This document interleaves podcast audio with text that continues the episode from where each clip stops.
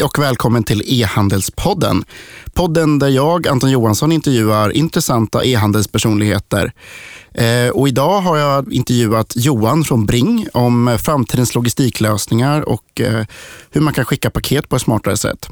Eh, jag tycker själv det blev en väldigt intressant intervju och resonemang om framtidens logistik, så missa inte det.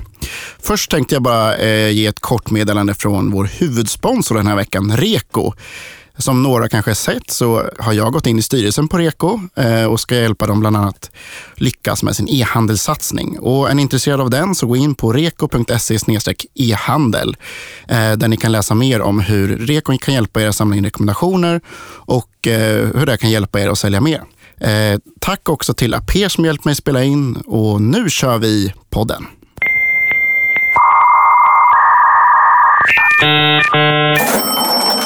Hej och välkommen till e-handelspodden Johan Holgersson från Bring. Tack så mycket. Eh, vad eh, gör du på Bring? Eh, på Bring är jag kommersiell chef eh, och har varit det en ganska, ganska lång tid. En titel som min kära mor är oerhört stolt över. Jag skulle själv kanske beskriva det mer som eh, Swiss Army Knife. Jag får göra ganska mycket inom tjänsteutveckling och sälj och marknad. Och de senaste åren så har jag faktiskt fokuserat väldigt mycket på just e-handel och e-handelslogistik och vad liksom, logistiksidan behöver göra för att möta de ökade kraven från e-handelskonsumenterna inte minst. Mm. Och, så kommersiell chef, alltså, eller commercial director som det står på ditt visitkort tror jag. Ja, exakt. Um, och uh, kan vi inte börja med din personliga bakgrund? Var, var, hur kom du till Bring och var, har du pluggat? Eller hur? En, en ganska, eh, ganska tydlig logistikbakgrund faktiskt. När jag, när jag pluggade i eh, Lund och Malmö när jag var eh, ung, nu fyller jag snart 40 så det var ett tag sedan, eh, då började jag jobba lite som eh, cykelbud. Eh, vilket var ett ganska bra sätt att kombinera studier och träning och, och få träffa folk och sådär. Och sen blev jag väldigt fascinerad om, kring hur liksom cykelbudsverksamheten eh, började ifrågasätta hela logistik-Sverige eh, på det sättet eh, när man var van vid lastbilar och bilar och blev intresserad av liksom hur en, en, liksom det disruptiva i det. Sen, sen har jag jobbat eh, med logistik sen dess på ett annat sätt. Mm. Och eh, var, var cykelbud alltså ganska nytt då? Ja, det var relativt, eh, relativt nytt då. Det här var ju i Malmö, så att, eh, det fanns ett, ett spännande samarbete med en cykelbudsfirma på andra sidan sundet och det var innan bron kom, så då använde man sig av flygbåtarna för att liksom, skicka gods mellan länderna. Så, där. så det var en väldigt härlig så underground rebell-attityd i hela den där grejen och det, det gillar jag. Och sen tror jag tänker att eh, Malmö är en extremt bra cykelstad också. Ja, absolut. Det är det. Eh, så eh, det, var, det var kul att börja sin bana där. Mm. Men och pluggade du något sånt sen då? Eller? Nej, jag gjorde inte det. Jag pluggade en massa andra saker och sen, sen började jag faktiskt att, att driva eget i, i budbranschen ganska snart efter det. Så att, jag har min, vad ska man säga, min skolning direkt in i businessen. Mm. Vad driva eget då? Var det att cykla då eller var det något annat? Eh, jag startade upp eh, en egen eh, firma. För jag lärde mig en massa saker på mitt första jobb som cykelbud. Jag såg eh, å ena sidan vad man kan göra och å andra sidan hur man inte borde göra. Så jag tänkte att det där kan jag göra bättre själv. Och sen eh, lyckades jag få förmånen att driva igång Pedal, en gammal känd budfirma som då fanns i Stockholm. Där jag fick möjlighet att starta upp den och driva den i Malmö och sedermera i Göteborg. Så att, eh, det var en härlig skola. Mm. Eh, Rätta mig om jag fel, men var det den som också Hjalmar Winblad och sådär var inblandad i? Eller? Just det. Mm. Eh, Paul Rönnberg, Jimmy Kärnlund och Hjalmar Winblad som också drog igång Sendit eh, för att bygga mjukvarudelen åt just snabb logistik som sen såldes till Microsoft och grabbarna kunde köpa varsin Porsche. Precis. Hjalmar Winblad är ju är ganska känd i internet-Sverige som har startat Rap och Rebtel och flera andra bolag. Ja, och nu håller han på enligt uppgifter att starta ett eh, nytt riskkapitalbolag om jag har förstått saken rätt enligt Dagens Industri tror jag. Mm. Eh, Spännande. Mm. Eh, och hur länge har du varit på Bring? Då? Du sa att du varit väldigt länge. Ja, jag har väl eh, kanske någon spännande QR-kod någonstans på kroppen som kan skannas i någon, när man tittar igenom inventarier. Eh, Pedal såldes till Box eh, Delivery någonstans 2000. Eh, och sen, eh, sen har det varit sen dess. Så det är väl 14-15 år, herregud nu. 15 år? Ja. ja men, men sen i Stockholm då? Precis. Ja, ja väldigt spännande. Mm. och nu har vi nämnt Bring. Liksom. Vad, vad är Bring då?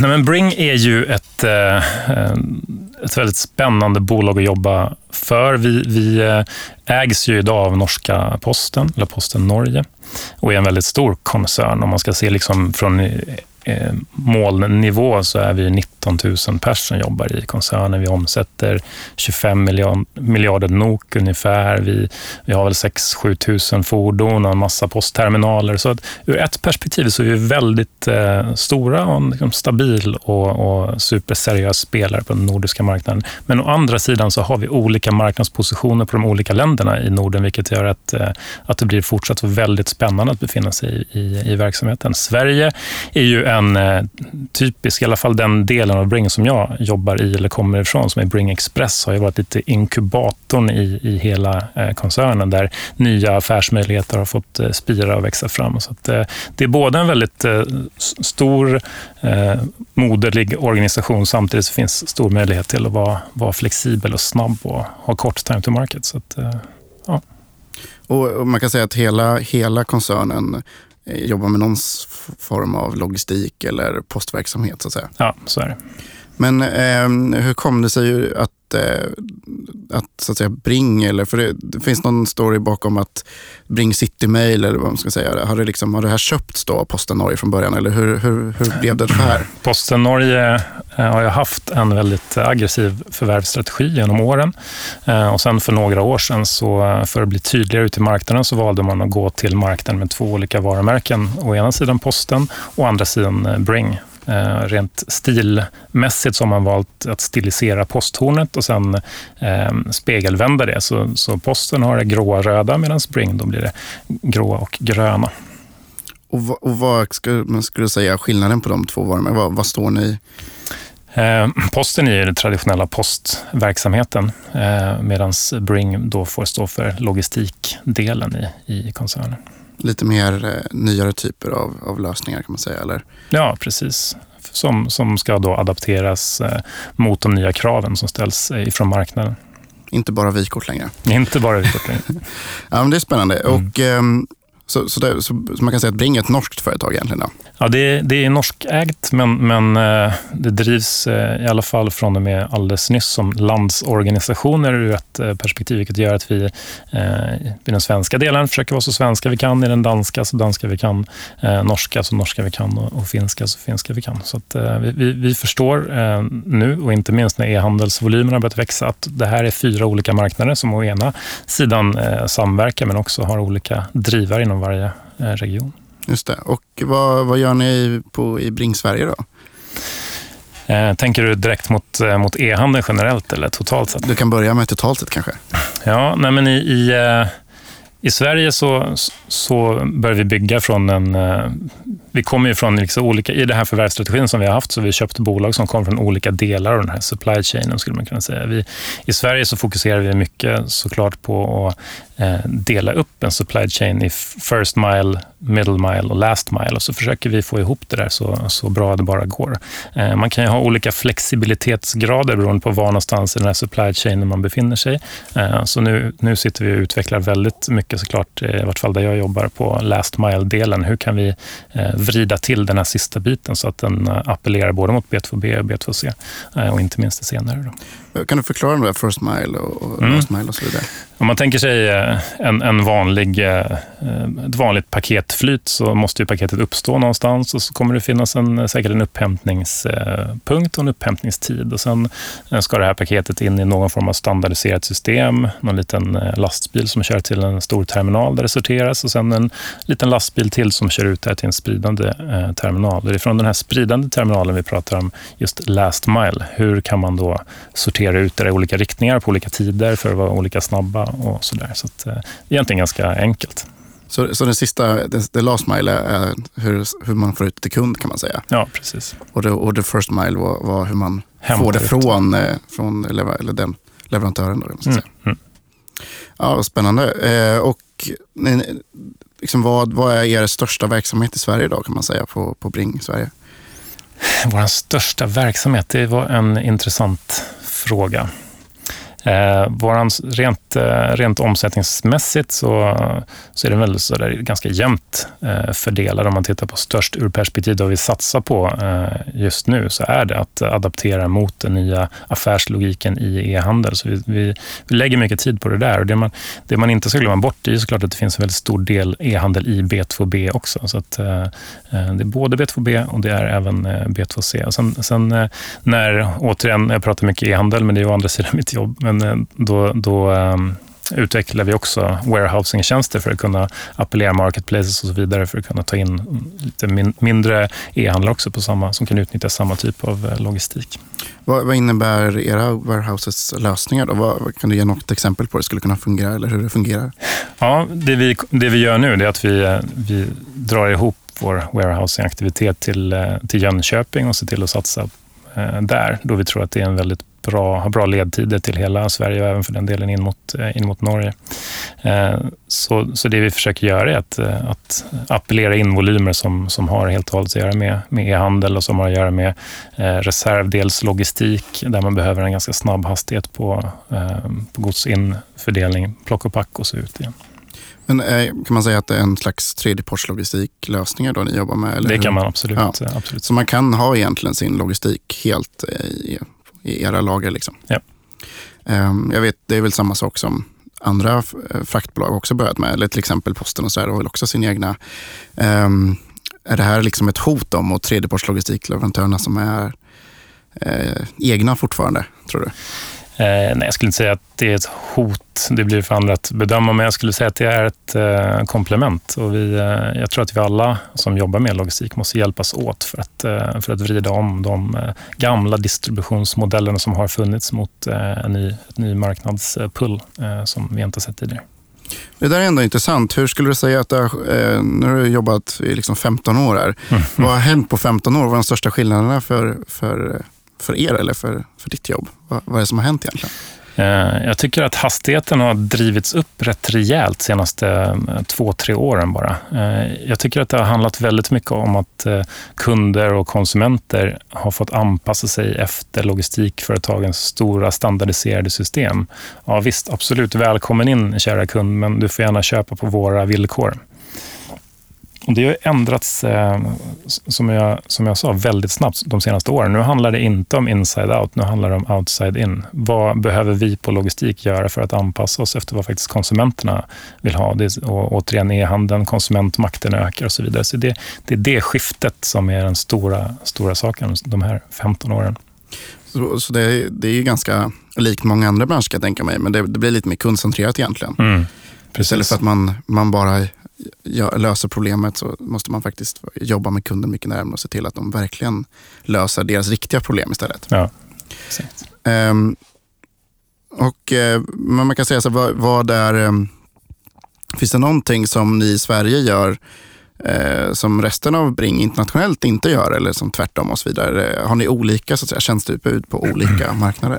Eh, det har vi och det har lite att göra med de olika positionerna vi har. Om man skulle jämföra Norge med Sverige, så i Norge så har vi såklart en, eh, en top dog-position. Vi, vi, är nä, nära nog monopolist givet att vi sitter på hela den här eh, brev och sorterings och utdelningsstrukturen. Är mycket tunga på logistik där, medan vi i Sverige kommer från ett underdog-perspektiv där vi, där vi har med oss den här flexibiliteten från alla budföretag som vi har köpt genom åren.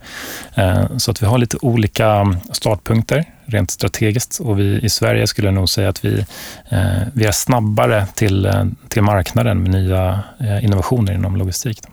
Så ni blir lite som ett, en testmarknad för resten av Bring kan man säga, för, för nya möjligheter? Ja, men så är det. Och sen, sen den nordiska e-handeln är ju väldigt mycket styrt också ifrån Sverige. Sverige har ju varit eh, långt fram eh, ganska länge nu och det, det ser vi fortsatt eh, händer. Så att Sverige är en väldigt viktig marknad att ett, testa nya produkter på, eller tjänster och, och två, försöka lära oss det vi kan ifrån den norska sidan med vad det innebär.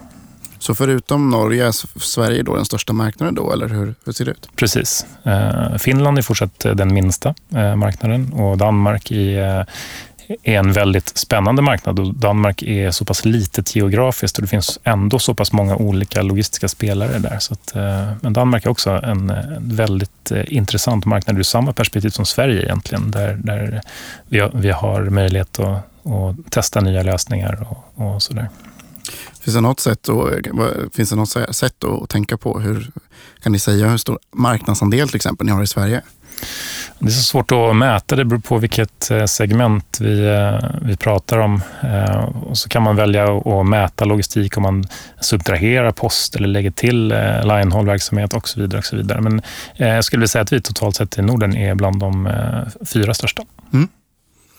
Och eh, Finns det någonting som ni liksom är mycket större på de andra? Jag tänker att i alla fall när jag är ute på gatan här i Stockholm så känns det som att ni har mycket mer cykel och mopedbud än vad andra har till exempel. Och, och, och den typen av, av tjänster än vad kanske andra leverantörer har? Hur ser det ut?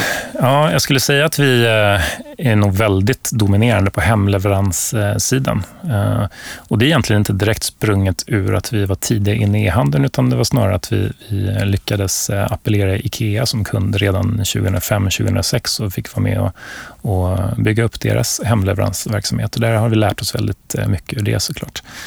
Så där är vi väldigt stora och dominerande. Sen är det klart att vi, vi satsar mycket på Eh, på bud. Eh, det är du själv inne på. Så vet jag inte om vi har flest cyklar. Det finns säkert de som har eh, fler. Men jag tror att den här spridningen mellan cykel och moped och cargocykel och, och så där, där, där har vi en ganska bra spridning, vilket gör att vi, vi är väldigt flexibla där. Mm. Men om man tittar på vad, vad, är det ni har för, för ett sätt är ju liksom hur man hanterar själva Eh, logistiken när man väl får ett paket. Man ska säga. Men, mm. men vad, vad har ni då för leveranssätt? Vilka, vilka, på vilka, vilka fordon kör ni så att säga? Och, och eh, hur mycket av varje har ni? Um, om vi, vi, utgår ifrån att titta på liksom B2C uh, så har vi valt att, att fokusera väldigt mycket på det som är liksom konsumenttillvänt. Vi, vi har, som jag var inne på, jobbat mycket med ut vid vårt hemleveranssystem. Ehm, som först och främst eh, är dagtid eller har varit dagtid. Säg förmiddagsleverans, eftermiddagsleverans. Men nu har vi också sett att eh, konsumentkravet börjar drivas mer och mer mot eh, kvällsleverans, 17 till 21, helgleverans. Och även om vår ehm, kompetens vad gäller hemleverans har kommit från det här stora, tunga med möbler och vitvaror, så har vi nu också adderat till möjligheten att skicka mindre paket och försöka närma oss en, en prisbild och prislogik är det som eh, faktiskt går att, att, att, sälja. Så där, där har vi fokuserat väldigt mycket. Vad gäller utlämningsställen, som också är en, en tydlig kanal för paket och möjlighet att påverka sin egen tid, så, eh, så fogar vi idag bara i Sverige över sig 1400 utlämningsställen ungefär. Totalt i, i Norden säkert upp mot eh, eh mellan 3 till 5 000. Så att, eh, mm. det, det är viktiga kanaler att fokusera på. Men är de här eh, utlämningsställena då, är det som ICA-handlare eller vad, vad, har ni för typer av utlämningsställen?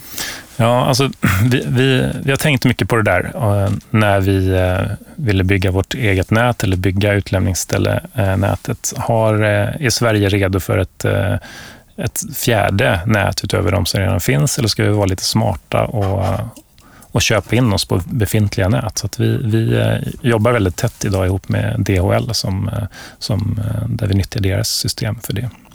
För jag tror att det är det som är den nya logiken. Gammal transportlogistiklogik handlar väldigt mycket om att äga sina egna system och ha hela kapabiliteten hos sig. Men det är också positivt ur ett perspektiv, men snabbfotheten minskar i det. Vi tror att vi ska försöka tänka lite smartare och nyttja befintliga logistiska strukturer för att kunna eh, ja, kunna hitta bättre och snabbare lösningar helt enkelt.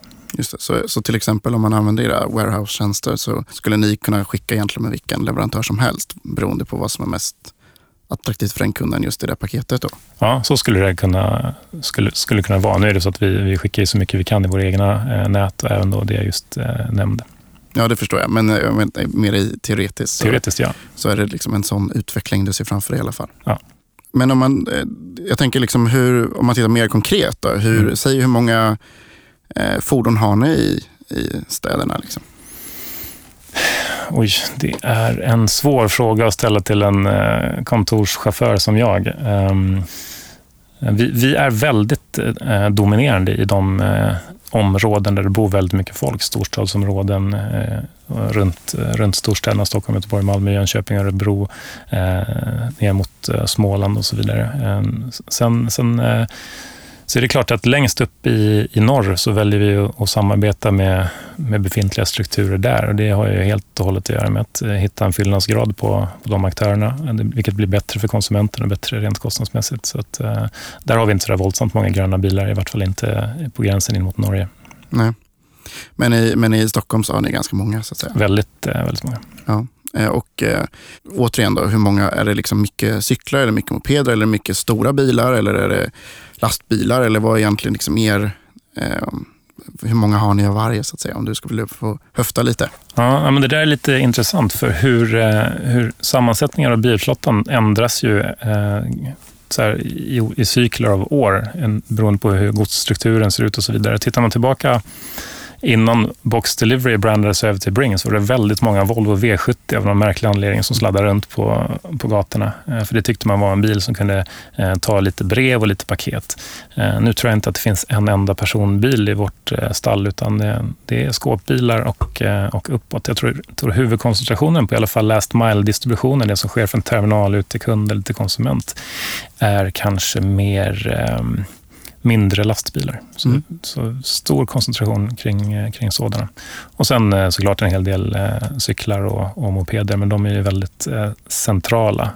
Sådär. Men eh, hur funkar det då? Det är såklart olika beroende på, men äger ni alla bilar och, och alla förare och så där, anställda av er på heltid? Eller, eller har ni så att säga någon slags franchise-tänk där?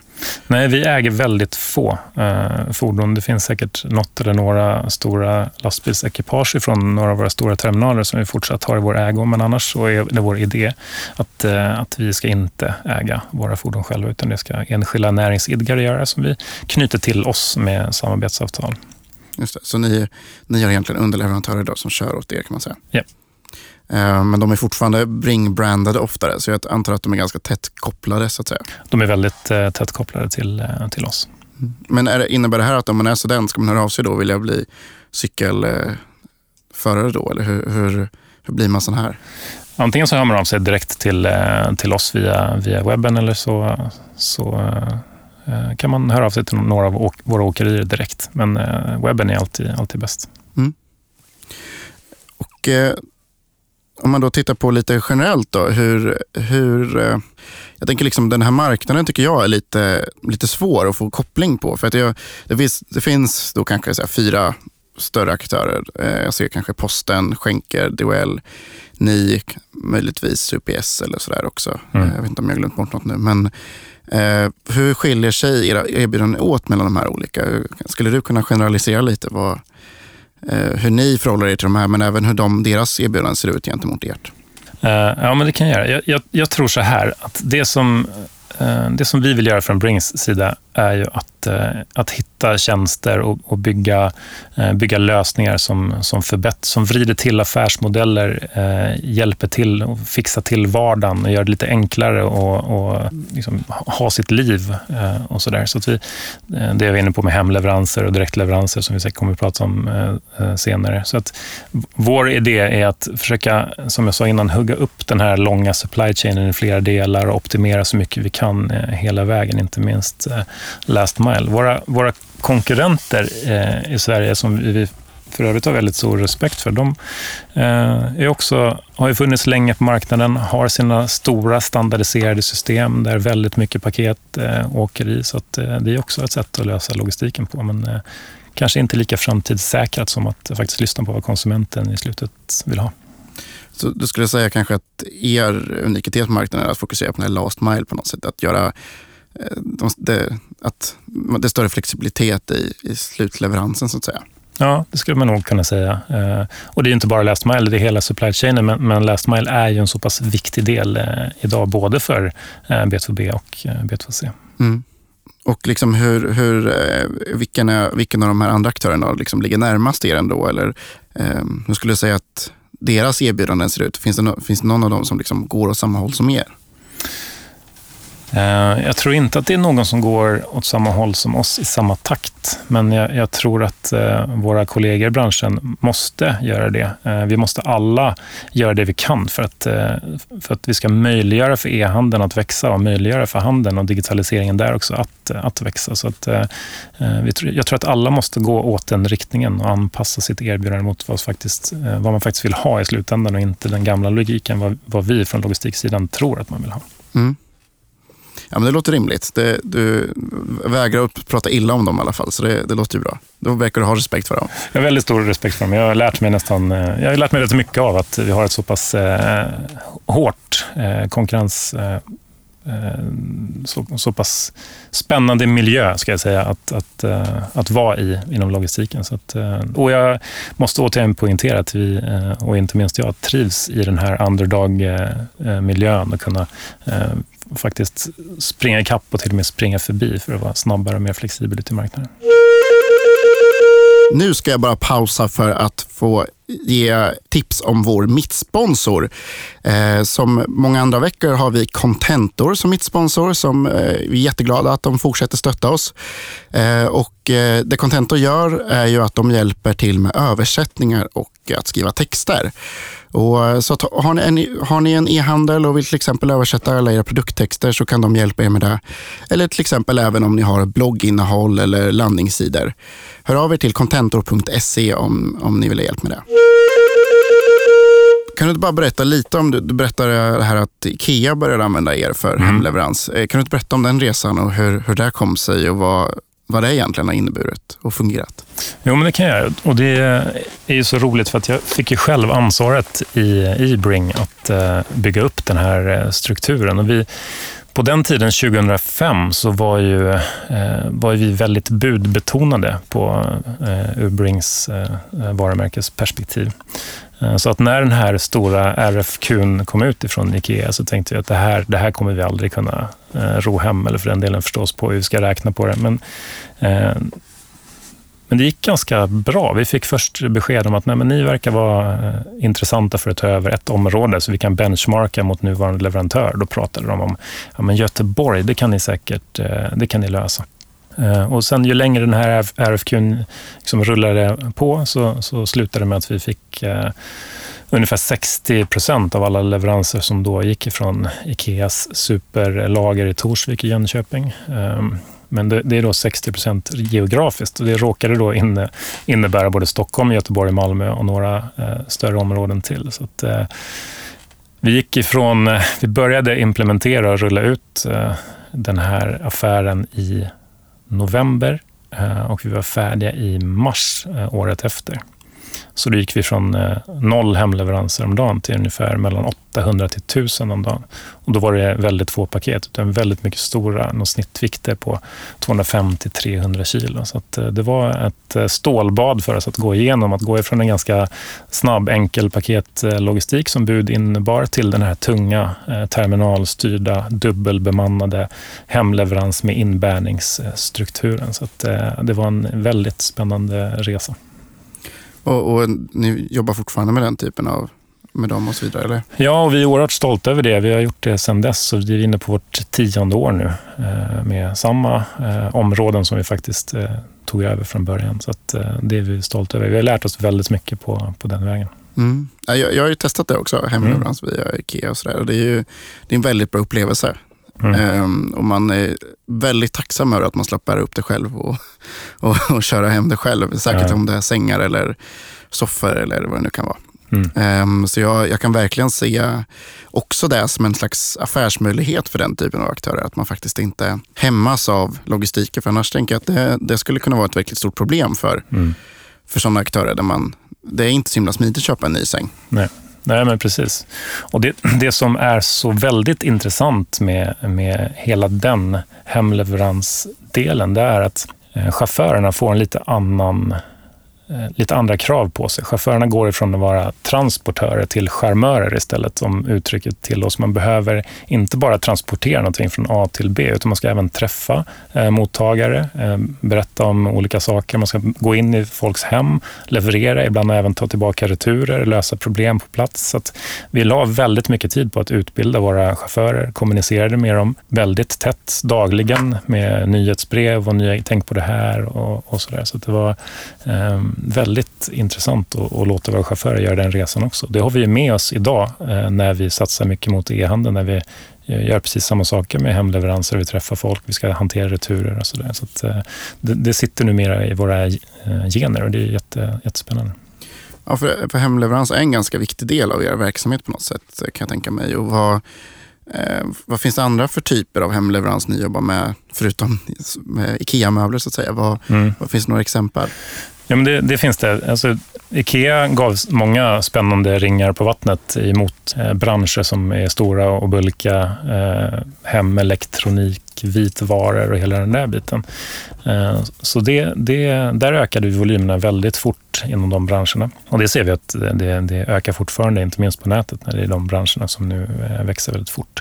Eh, men sen kommer vi ganska snabbt in på eh, hemleverans av mat och färdigpackade matkassar och, och Linas matkasse, inte, inte minst, som, som är en av våra stora kunder där. Ehm, så det, det, var ju lite intressant för att flytta eh, från godsstorlek som två väldigt starka karar oftast ska bära till eh, två små påsar som ska levereras i ett tajt tidsfönster.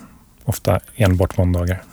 Just det, och det, det, här läste jag på er, ni kallar det på något sätt temp eller tempererade transporter som jag förstod det som. Just det. Ehm, och, och, hur funkar det då? Det är helt enkelt kylbilar då ni åker runt med? Eller? Ja, det kan man lätt tro, men det är det faktiskt eh, inte. Och det är väl kanske det som är bakgrunden till att just eh, Linas eh, distributions och affärsmodell tog fart. För det man valde att göra var att eh, eh, kyla med, med andra kylelement än att bilen, hela bilen är tempererad. Så som kolsyreis eller lite andra eh, lösningar. Utmaningen blev då att garantera livsmedelskvaliteten så att den eh, höll sig bra och därför så togs det fram eh, temploggar som lades i varje, eh, varje bil och varje zon i bilen för att mäta att man håller rätt temperatur hela, hela vägen. Vilket vi har lyckats väldigt bra med. Så att det går att vara disruptiv även i, i den delen genom att gå mot en distributionsnät som är med torra bilar istället för då kylbilar. Och det blir helt enkelt billigare då, eller vad är fördelen så att säga? Det blir det och, och tillgången på kylbilar i Sverige idag är avsevärt mycket mindre såklart än vanliga distributionsbilar. Men har man någon typ av kylning då, eller är det bara det att de, det är så pass kort tid att det fungerar ändå? Eh, man har kylning i form av eh, påsar med kolsyreis eller att man packar mm. det frysta eller kylda i, eh, i egna frigolitlådor till exempel, eller vad det, vad det nu kan vara som, som gör att man håller temperaturen på rätt nivå. Sen är, ju, sen är ju transporttiden eh, ganska kort. Man, man lastar upp sin runda där på eh, sen eftermiddag kväll och sen eh, kör man tills man är klar. Mm. Så, att, eh, ja. så det, det, det, är en av, av grejerna som gör att det funkar också såklart? Ja, precis. Um, och uh, det är ju såklart en väldigt spännande marknad som jag kan tänka mig har växt extremt mycket också de mm. senaste åren. Mm. Um, ser du någon liksom, uh, fortsättning på det? Hur, hur kan den växa ännu mer? Rent logistiskt, eller enablar rent logistiskt. För jag tänker att det ändå varit väldigt, det går att köpa Linas matkasse i hela Sverige. Mm. Så att säga. Mm. Eh, finns det någonting som, eh, som fortfarande inte är helt klockrent där än, som gör att det kan växa ännu mer? Eh, jag tror att det finns eh, mycket, den här vågen som nu har startat med den här typen av distribution som fortfarande är eh, ofta söndag, måndag, för det är precis i början av veckan man ska ha sin eh, mat. Så det finns en utveckling med att försöka förskjuta volymer längre bort i veckan. Kanske få till någon helgpåse, kanske få till någon vad vet jag, den här liksom, Eh, tjänsteutvecklingen kan vi gå ganska långt. Men just för att slippa få den här superpucken på måndagen och söndagen så kanske man kan skjuta lite volymer framåt. Det skulle kunna vara en sån där. Sen tror jag att man ska se de här eh, näten som nu uppstår med varor som distribueras ut, men ingenting som distribueras tillbaka. Finns det någonting som de här bilarna eller människorna som faktiskt angör eh, ytterdörren kan ta med sig tillbaka i form av, nu bara freebase här, men, men eh, pant kem, tvätt och så vidare. och så vidare. För, för, nätet finns ju där. Det är lite som eh, Stockholm Is AB som la ner hela sin isdistribution eh, när kylskåpet kom. Men det man egentligen satt på var ett väldigt schysst distributionsnät av den här isen. Varför kunde man inte bara börja köra ut några andra grejer? Sådär? Och det, mm. det är det jag tänker, det skulle man kunna använda det nätet till. Just det. Um, vad jag själv upplever är att det skulle behöva vara mycket mer så här, tydligare när leveranser och sånt kommer också. Och, ja. um, och där tänker jag att det är mer ett mjukvaruproblem, att man måste få tydligare information och och kunna följa mycket tydligare och sådana där saker kan jag tänka mig. Ja, och det tror jag, det tror jag kommer komma, eller det är helt övertygad om att det kommer att komma. För tittar vi eh, rent eh, eh, globalt på det så finns det ju eh, utvecklingsländer som har kommit eh, längre än vad vi gjort i Sverige med just den här eh, notifikationsdelen av leveranserna. Eh, se på Indien inte minst, där Jabong skickar ut sig 70 000 leveranser per dag. där alla körs ut med moped och man kan tracka den här mopeden på, via Google Maps med en lite risig GPS. Så det, det, finns mycket att göra för att liksom bli ännu mer precis i leveransen. Och vi kommer mellan 19.15 och 19.45. Eh, sådär. Så att, eh, det, det, kommer att komma och det, jag tror också, precis som du, att det är det som behövs. Jag tror att vi måste bygga lösningar eh, vi och våra kunder måste bygga lösningar som inverkar minimalt på den privata tiden. Mm. Det kan även vara att man hänger kassan utanför såklart och, och sådana saker. Ja, om, det, om det funkar så att säga. Mm. Men eh, du pratade lite, eller nämnde lite förut om eh, B2B också, eller liksom mm. företag till företagsbud och, och eh, paket och sådär. Hur, mm. eh, hur ser den marknaden ut? Jag tänker att det är en marknad som man inte alls har koll på riktigt hur det fungerar idag. Kan du berätta lite om hur, ni jobbar med det och hur, hur den marknaden ser ut? Ja, absolut. Det, Eh, Eh, vi brukar skämtsamt kalla vår B2B-del eh, eh, för B2R istället, B2 Retail, för det är väldigt mycket av volymerna som går till butiker, gågator, för att träffa rätt så att varorna finns på hyllan när de ska säljas i butik och sådär.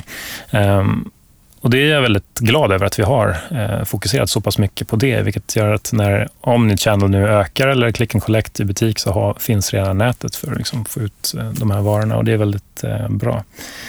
Eh, så det kommer fortsatt eh, öka. Jag tror att en, en del av e-handelsvolymerna som nu går direkt hem kommer gå i den kanalen eh, som komplement. Sen vad gäller ren B2B så, så finns det ju väldigt mycket tunga industrier och, och, och så där som vi, vi, har som kunder idag som går mer på lastbilstransport från punkt A till B som klargörs för export och sen går ut i, i världen. Så det är en tung del också. Mm. Um, men det här är ändå en ganska stor verksamhet för er kan jag tänka mig. Det är det. Det är det fortsatt. Eh, hur, finns, finns det något sätt där tänker jag att man kombinerar också, du pratar om det här att konsumenter gärna vill ha på kvällarna. Är det så att B2B blir stort på dagtid och B2C blir stort på kvällstid och sådär för er? Eller kan du se någon sån generell trend där? Eh, det har i alla fall varit så när, när Ikea var en av de mest dominerande kunderna för oss. Nu är Ikea fortsatt en väldigt dominerande kund, men då, då var det eh, väldigt mycket företagsleveranser på dagen och sen eh, kvällsleveranserna blev eh, för B2C-delar det som går, eh, går hem. Men det där, det där förändras nu. Vi ser, ett större, eh, eller vi ser en förskjutning mot dag också. Man vill kunna få sin leverans till sin, sitt jobb eller det kaféet man sitter på.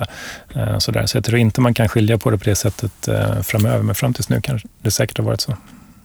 Och eh, vi, vi har ju snuddat vid det många gånger och vi har pratat lite om det, men vad, liksom, vad är ert eh, traditionella e-handelsbjudande om man tittar på liksom, företag till konsument? Vad, mm. vad skulle du säga är ert generella e-handelserbjudande som ni säljer? Eh, först och främst så, så, försöker vi sälja en, en multipel lösning som handlar om att basen skulle kunna mycket väl vara eh, utlämningsställenätet som jag, som jag nämnde. Eh, utöver det så, så har vi en förfinad logistik vad gäller just hemleveranser. Där täcker vi hela Sverige, alla postnummer. Vad gäller hemleverans på kväll så når vi idag fem miljoner tror jag av av ungefär hälften av Sveriges befolkning. Vad gäller hemleverans på helg som då kommer ganska hårt nu, inte minst lördagar. För att eh, eh man skjuter liksom volymerna, man ändrar cut-off-tiderna och skjuter dem mot helgen. Där vi täcker in storstäderna, där de, eh, Stockholm, Göteborg, Malmö, Oslo, Köpenhamn. Eh, så det är också en sån där eh, bit. Uh, och sen får vi se vad som kommer där uh, vad gäller nya automatiserade sätt att hämta sina paket uh, och liknande. Men en, en, bred bas och sen tilläggstjänster med hemleveranser och direktleveranser inte minst, som är det senaste som vi har lanserat här nu de senaste veckorna. Vad innebär direktleverans då i det här fallet? det vi har gjort eh, om vi tar ett, ett eh, kundexempel som börjat rulla i tv nu också, så är det ju vårt samarbete med Lloyds apotek, där man har flyttat upp eh, logistiken som egentligen bärare av hela erbjudandet. Eh, så där kan man som konsument välja antingen så får man en eh, leverans inom en till två timmar i, i Stockholm i det här fallet, där butiker agerar som, som plocklager. Eller den som vi egentligen är mest stolta över för att vi har gjort något där vi har försökt hitta helt nya vägar. Det har att göra med tidningsdistribution, morgondistribution. Vi når idag med ett eh, samägt bolag med DN och SvD 350 000 hushåll i Stockholm morgonen efter. Så du kan beställa, i det här fallet med Lloyds, din eh, medicin fram till eh, 19 tror jag är senaste. Så har du garanterad leverans runt fem-snåret på morgonen med de här medicinerna. Också ett sätt att, eh, lite som jag var inne på med Stockholm Is AB och det där med att se på vilka nät finns och vad är det som snurrar runt. Så kan vi samutnyttja det. I det här fallet så, så har vi lyckats göra det. Så det kommer bli väldigt spännande att se vilka volymer som kommer hamna i det, i det nätet. Det låter väldigt spännande. Mm. Kan man eh, skicka med fler grejer då i tidningsnätet framöver tror du? Ja, det tror jag. jag. jag. tror att det kommer dröja innan vi gör eh, kyl och frysleveranser i det nätet. Men, eh, men det finns så väldigt mycket gods som är anpassat för, för eh, brevlådan eller för personlig överlämning som, eh, som går att hantera i det nätet. Just det. Det låter ju väldigt eh, innovativt ändå på den här marknaden. Ja, vi, vi tror det. Vi är hittills väldigt stolta över idén, så får vi se hur den spelar ut. Men det ska nog gå bra. Så att, så att man kan säga att också om man har den här idén av att man vill ha direkt, direktleverans inom en eller ett par timmar inom, inom storstäderna så, så har ni ganska bra tjänster för det också så att säga. Ja, och det, det där handlar ju också mycket om ett, om man har sitt, eh, sitt lager i närheten av Stockholm såklart. Eller om man är en omnikanalspelare så att man har tillgång till sina butiker för att hämta upp och köra ut eh, direkt. Och det här eh, det har vi lanserat. Det finns att bara helt enkelt snacka med några av våra kommersiella människor för att få det där integrerat i, i webbshopparna. Men det är någonting som vi ser också globalt, att det blir en supertrend. Titta inte minst på, på USA, eh, New York, San Francisco, LA, där eh, aktörer som Postmates, eh, och taxibolaget Uber har sin Uber Rush numera, som är cykelbudsburna eh, eh, kurirer som ser till att, att lösa snabba leveranser i, på Manhattan eller vilka områden det nu är i Los Angeles och San Francisco. Och Det är lite intressant, för just bud är ju en gammal B2B-logik. Jag berättade ju själv att jag har varit cykelbud någon gång på 90-talet. Herregud, vad tiden går. Och nu väljer vi bara att klä om samma tjänst, fast det är en helt ny eh, eh klänning, om mm. man så önskar. Eh, för att, för att faktiskt lösa ett nytt eh, behov som har dykt upp via e-handeln. Det är väldigt spännande tycker jag och det är också eh, kul att höra att det händer grejer på området. Jag, jag har sagt det ofta förut att jag tycker det känns som att det, det är helt sjukt att man fortfarande måste gå till ICA och hämta för att hämta ut ett paket. Mm. Um, och jag tycker det är helt sjukt att det fortfarande känns som att, uh, att man när man handlar från apple.com och så kommer UPS och så måste man vara hemma en hel dag för att ta emot paketet. Eller um, vi har på kontoret här problem, både med er och andra för övrigt, men, mm. men alltså där det har varit företagspaket eller företagsbud som har krånglat väldigt mycket. Liksom. Mm. Så här, ja, vi hade inte portkoden eller såna grejer. Och man ja. bara, men varför ringde du inte? Och så, ja. så det känns som att här, det behövs um, det behövs verkligen hända grejer på det här området så att, så att eh, träffsäkerheten och problemen minskar men också för att eh, för så fort man, man tar bort allt krångel som du sa, att mm. man, man slipper tänka egentligen på, mm. på, eh, på det, då, då blir livet betydligt enklare som konsument eller som företag. Ja, vad som också är intressant om man tittar runt i, i världen återigen på logistiktrender och sådär. Så det finns ju ingen som har missat eh, snacket om drönarna. Jeff Bezos eh, testar lite där och, och eh, Alibaba testar lite och det är jätte, jättekul att det blir så. Jag själv har en hatkärlek eh, deluxe till de här drönarna. Dels för att jag tycker att de kanske inte har så här våldsamt stor kapacitet, men, men, men det som är så bra med att det dyker upp, det för att det finns ett väldigt stort uppdämt behov av kreativitet vad gäller logistik. Det där är otroligt kreativt. Och om det är det som är ändläget, då är vägen dit bara jättespännande, för då kan vi göra mer och mer och mer och mer saker. Så att, eh, därför tycker jag att det är ganska schysst ändå. Mm. Nej, men det, och det, är, det är också bra att det finns eh, liksom konkurrenter till de riktigt stora aktörerna mm. på det här området, tycker jag. För det, det kommer framförallt för hela e-handeln göra att e hela e-handeln kan växa väldigt, väldigt mycket mer. För, för ganska många produktkategorier passar ju inte att hämta ut på ICA eller på ett, utan man, man måste få hemleverans eller hjälp med att bara in eller, eller få väldigt eh, specifikt. Liksom, att ja, men, jag, jag, det här måste komma inom det här 20 minuters fönstret till exempel. Ja, um, så jag tycker det är väldigt spännande. Um, en, en, en fråga jag hade som jag vet inte, som är generell nu. Mm. Um, som jag har förstått det så Deutsche Post tror jag det kallas, eller så är det, att de, det tyska posting kan man säga. Mm. Um, de har en ganska häftig leveransmetod som jag fattar det som att det, det är hemleverans, eller som det är brev man försöker lägga i brevlådan. Men om man inte är hemma så knackar de på hos grannen och så kan de, grannen ta emot paketet. Mm. Eh, har du hört talas om det här någon gång förut eller har du skissat på det här för Sverige? Ja, det, det finns ju i återigen den gamla logistiklogiken så finns det att man kan, man kan lämna en fullmakt och, eh, som då är ett ganska byråkratiskt sätt att göra det på. Man måste skicka in i för, förtid att ja, om jag inte är hemma så lämnar den till, till grannen eh, och sådär. Um, jag tror att det där kommer att komma mer. Alltså, ju mer volymerna skjuts över mot... Om vi tittar på e-handeln idag i Sverige eh, så står den för ungefär 6, mellan 6 till 8 procent av den totala detaljhandeln. Lite beroende på om man räknar med biljetter och, och sådär. eh, skulle den hoppa från eh, 6, 8 till 10, 12, 15, 20, 30, 40 procent så under väldigt kort tid så behöver de här logistiksystemen ett utvecklas och sen måste de här paketen då förmodligen hanteras i system som redan finns. Eh, lite så här sharing economy-tänk. Ja, jag ska gå på ett tåg här, jag ska åka dit och ta med några paket dit också. En idé som, som jag tror kommer växa, det är den här med, för du är lite inne på det, att en granne inte bara kan ta emot ett, ett paket, utan en granne kan vara husets utlänningsställe som tar emot alla paketen och delar ut eh, senare på kvällen, eller man kan gå förbi den, eh, den dörren när man kommer hem. Så jag tror att, jag tror att, eh, att, att det kommer att bli ännu mer, än mer kreativt när mer volym skjuts ut i de kanalerna.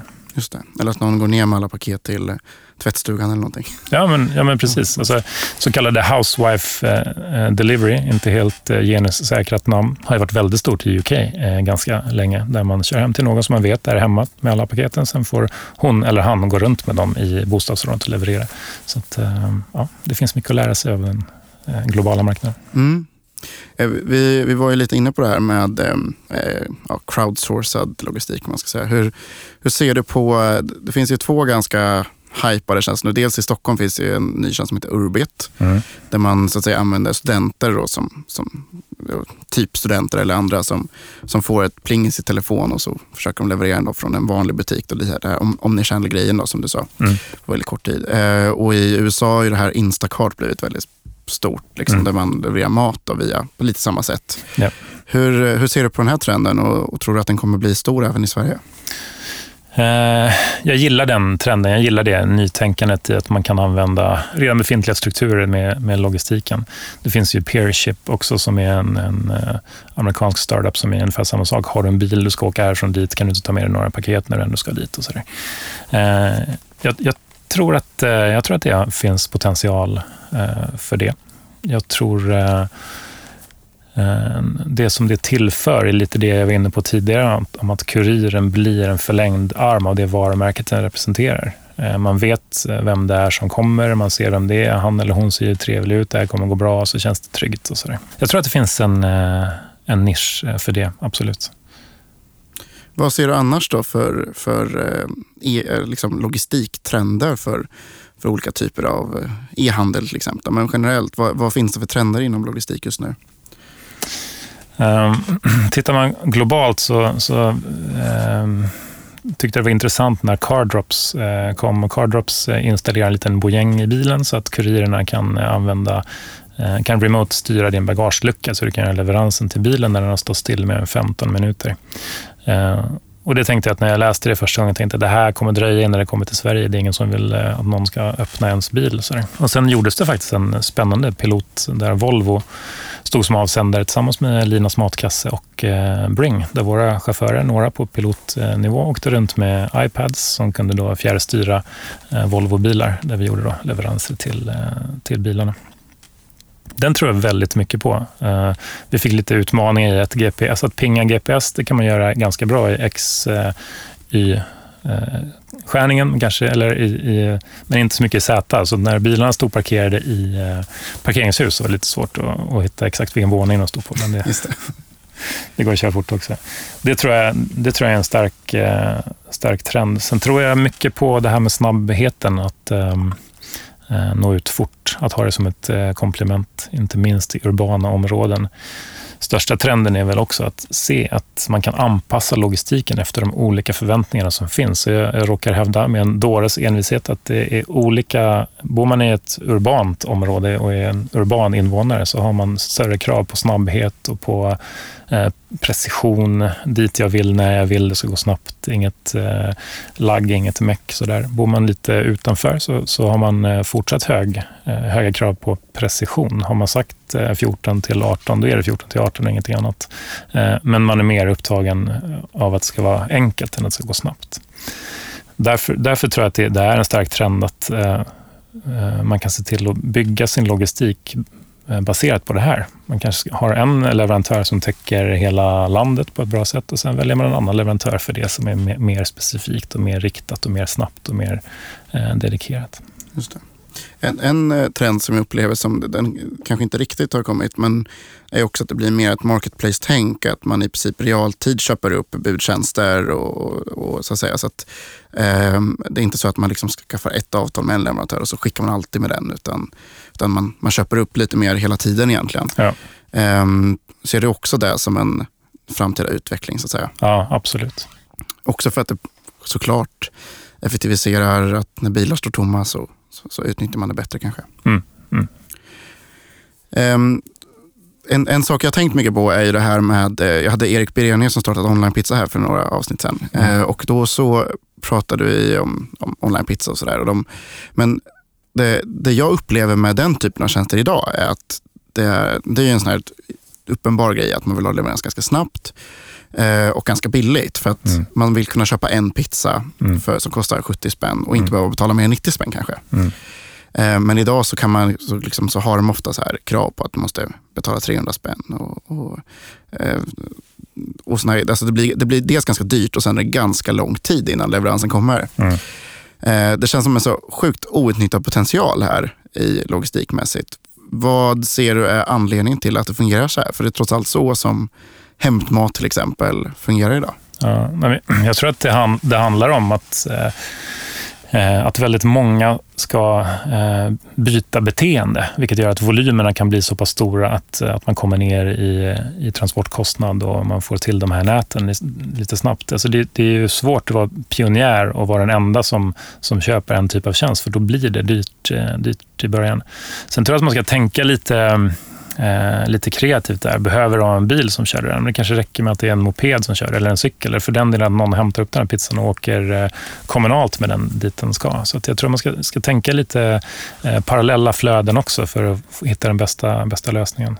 Men, eh, men att vara först ut, eh, det, det kan ofta bli dyrt för då finns det liksom in, ingen struktur bakom eller infrastruktur som kan eh, supportera att få ner priset. Ja, och det, det är väl liksom en tydlig, för dig, i södra Europa så där är ju mopedleverans för pizza som är väldigt populärt, men ja. det är inte alls så stort här. Um, Erik trodde att det berodde dels på väderförhållanden och sånt där. Mm, men mm. Uh, ser du någon annan anledning till att det inte tagit fart här? Nej, men jag, jag, tror att det är en beteendesak. Alltså, ju, ju mer eh, vana vi blir vid hemleveranser, desto, eh, desto mer kommer vi vara benägna att köpa den typen av tjänster också.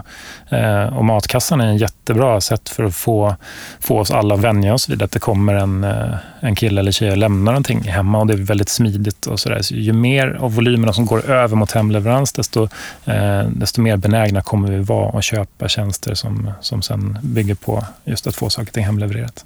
Så det handlar egentligen bara om att nå tipping point i ja. det avseendet. Ja, helt övertygad om det. Ehm, men det, på samma tema då. Jag, eh, jag och många med mig i den här branschen upplever att liksom priserna för att skicka saker inte går ner tillräckligt snabbt. Mm. Det är fortfarande väldigt dyrt att skicka saker. Mm.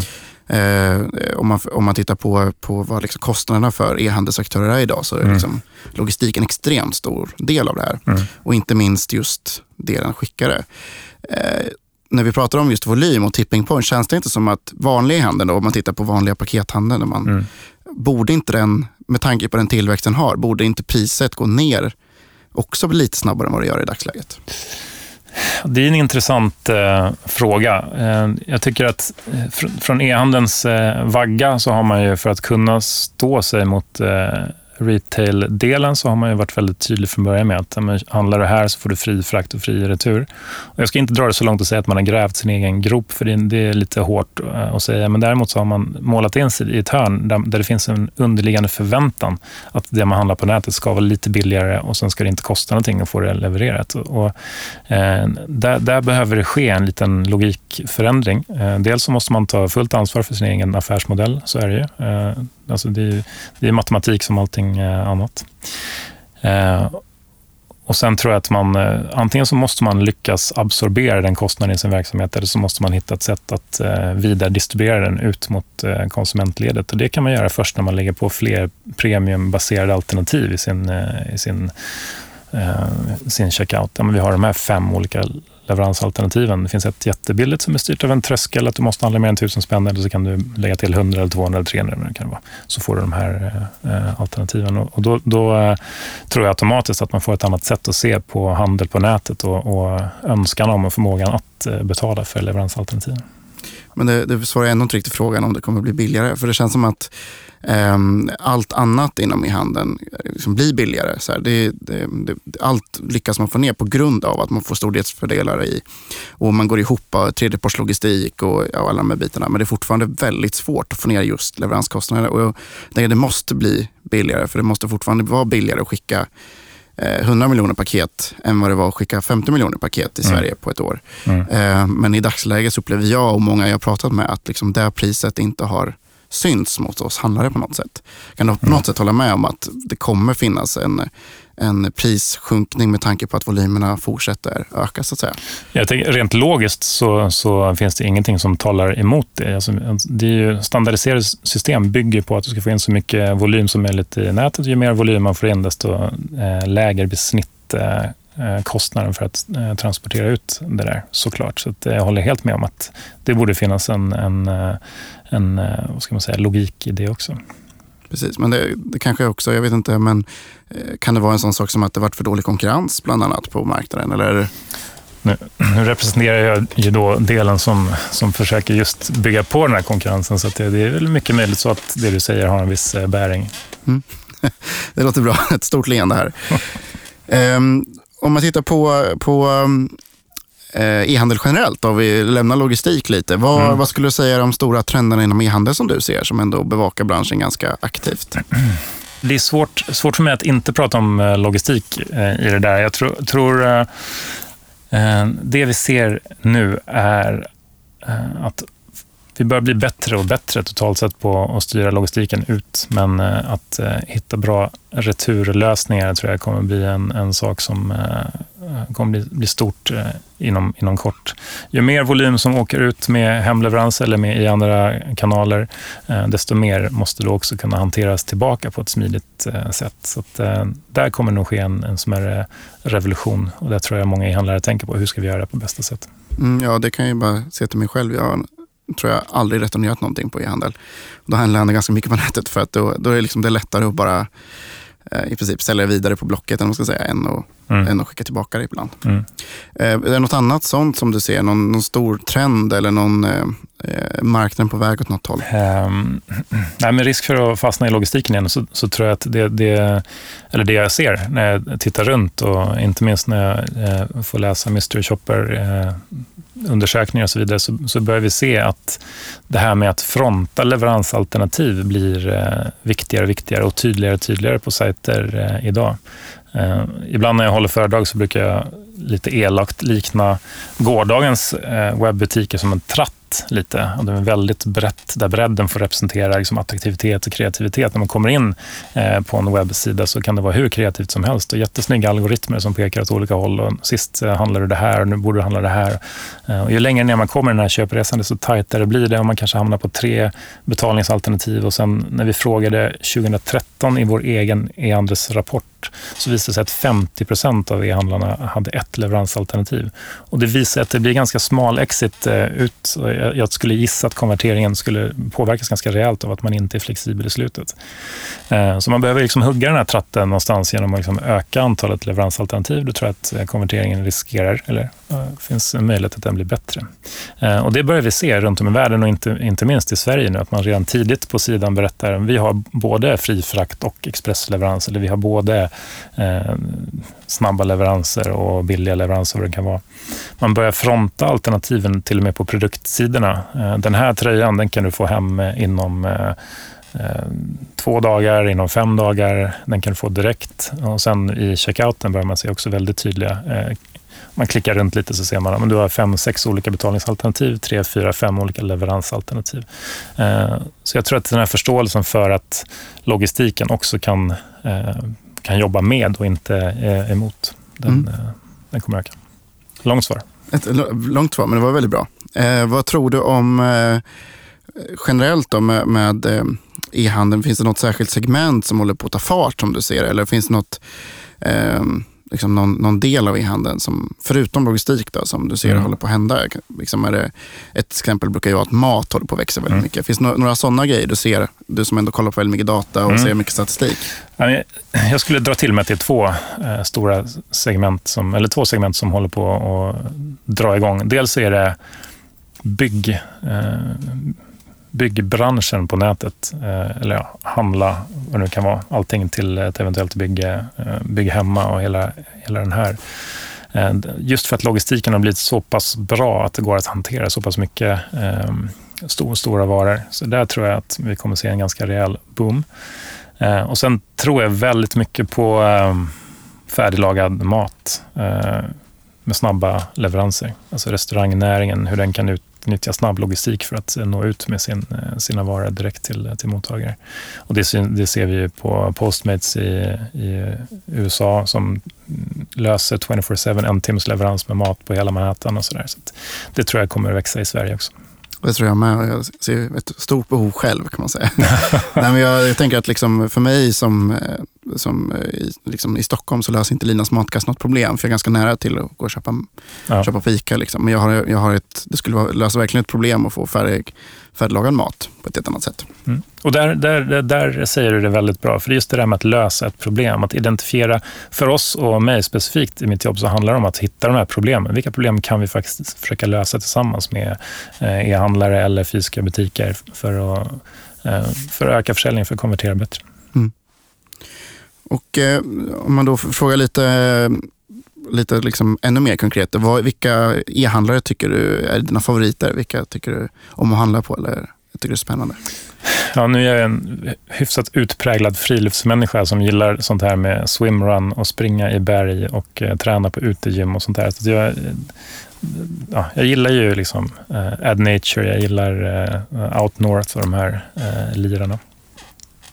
Så det, det, tycker jag är jättekul att, att sladda runt på. Um, vad som är kul med, med AdNature är väl också att de har gjort precis det som eh, vi pratar om nu. Att bygga till tillfälliga alternativ och ha snabba leveranser inom, inom Stockholm. Man kan få sina nya löparskor på ett par timmar. Det är jätte, jättespännande. Mm. Och finns det någon sån här eh, e-handlare tycker du man ska kolla på i USA eller resten av världen som du tycker har gjort något spännande senaste tiden? Um, Ja, alltså om jag får stanna kvar i Sverige så tycker jag man ska titta lite på vad Nelly.com har gjort med inte minst det fraktrelaterade, eh, vilket är väldigt eh, snyggt. Eh, sist jag eh, höll föredrag så hade jag det som exempel just för att fronta sina leveransalternativ. Sen, sen, sen, tycker jag att det finns ganska många exempel på e-handlare runt om i världen som är duktiga på just det här med att notifiera eller avisera när man är, är på väg. Man kan följa sin, sin leverans och, och man ser nästan på tio minuter när, när den kommer. Så att, eh, den typen av lösningar är jättespännande att försöka eh, lösa även i våra marknader. Mm. Ja, det, skulle, det tycker jag låter väldigt spännande med. Jag skulle mm. vilja kunna följa mina leveranser mycket bättre. Mm. Så kan ni börja filma också när de packas och sådär. Eh, så kan man följa så här cykelbudet när jag cyklar i regnet och sådär. Det hade varit häftigt. Ja, exakt. exakt. GoPro-kameror uppkopplade. Exakt. Ja. Um, ni, eh, ni har ju gått in som eh, huvudsponsor för Nordic E-commerce Summit också. Mm. Hur kommer det här sig? Men vi tror att det är en, eh, en, eller vi vet att det är en väldigt spännande arena att vara på. Vi har ju, vi har ju hängt eh, på NES ganska många gånger och eh, vi gillar det forumet. Vi har sponsrat frukosten ganska mycket. Man kommer dit så har man fått sin lilla frukostpåse med, med något budskap ifrån oss och sådär. Det, det tycker vi har gett väldigt mycket goodwill om inte annat. Så nu, nu tar vi steget fullt ut och ska försöka göra några riktigt snygga saker tillsammans med Sara och gänget på, på NES. Och vad, vad kommer hända på NES då i år? Ja, alltså det, det är ju fortfarande lite hemligt då, så det kan jag kanske inte gå in på direkt. Men jag tror att eh, ni kommer se ett större engagemang från huvudsponsorerna i år än vad man gjort tidigare. Um, det ska bli väldigt eh, kul. Mm. Kommer ni presentera någonting speciellt? Eh, vi har en idé om att faktiskt göra en liten tjänst eller produktlansering under NES-dagarna som jag tror att e-handlare kommer att gilla. Ja, det låter som en riktigt bra teaser faktiskt. Ja. Eh, har du några andra teaser som vad ni kommer göra närmsta året?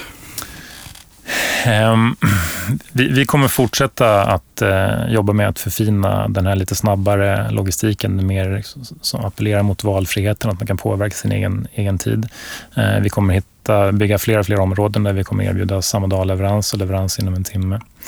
Uh, vi kommer utvidga områdena där vi erbjuder kvällsleverans och helgleverans också för den delen. Eh, sen skulle jag kanske inte bli alltför förvånad om det skulle dyka upp eh, fler och fler paketautomater under, eh, under året. Jag tror att det är en kanal som, eh, som är väldigt, eh, väldigt bra. Eh, den har slagit väldigt stort i Europa, inte minst i Tyskland. Eh, I Finland är det väldigt stort. I Norge ställer vi ut ganska många paketautomater själva. Eh, så att Sverige är en marknad där vi också vill, vill testa den kanalen. Så att, ja, vi får se hur det går under 2015. Kul. Eh, vad, eh, vi börjar närma oss slutet här. Vem tycker jag ska intervjua här i podden härnäst? Um, härnäst? Uh, jag tror att du ska uh, intervjua Simon Saneback. Han sitter i, om det är 600 eller 700 advisory boards nu, mm. så han borde ha rätt mycket kunskap om den svenska e-handeln om inte annat. Um, Risken är väl bara att han eh, kommer att prata hela tiden och du får inte säga någonting, så det kanske du ska akta dig för. Ja. Eh, jag tror att eh, Sara Wittbom är också en sån här profil som är bra. Hon, hon sitter ju lite som spindel i nätet kring hela e-handeln med, med transportörer å ena sidan och e-handlare å andra. Och så där. Hon, hon, har väldigt mycket koll på, på trender och vad är på väg och vilka krav som finns och hur vi ska möta dem. Så att, det skulle vara intressant att lyssna på. Mm. Kul. Ja. Eh, och hur, eh, hur kommer man i kontakt med dig då? Ja, men det gör man enklast via LinkedIn eller Twitter faktiskt. Jag försöker ju, trots att jag fyller 40 om en vecka, vara lite aktiv i sociala medier, så det är nog enklast att hugga det hållet. Och vad heter du på Twitter då? Där heter jag något så fantasifullt som Holgersson J. Ja, så. men det passar ihop när man heter Johan Holgersson. Ja, det finns en viss logik där måste jag säga. Ja, eh, vad jätteroligt att du ville vara med här. Ja, tack för att jag fick vara med. Och eh, lycka till med de nya lanseringarna. Jag kommer hålla dig uppdaterad på dem, jag lovar.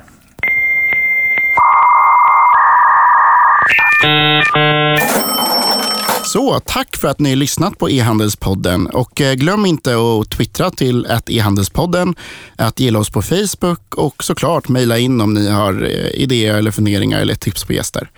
Och återigen tack till Reko som eh, sponsrar oss den här veckan. Som, som hjälper till med att samla in rekommendationer och eh, sen, eh, så att ni kan visa upp dem på era e-handelssajter så ni kan sälja mer. Gå in på reko.se e-handel och läs mer om det. Tack också till AP som hjälpt mig spela in och missa inte nästa podd som kommer bli grym. Tillbaka på återseende snart.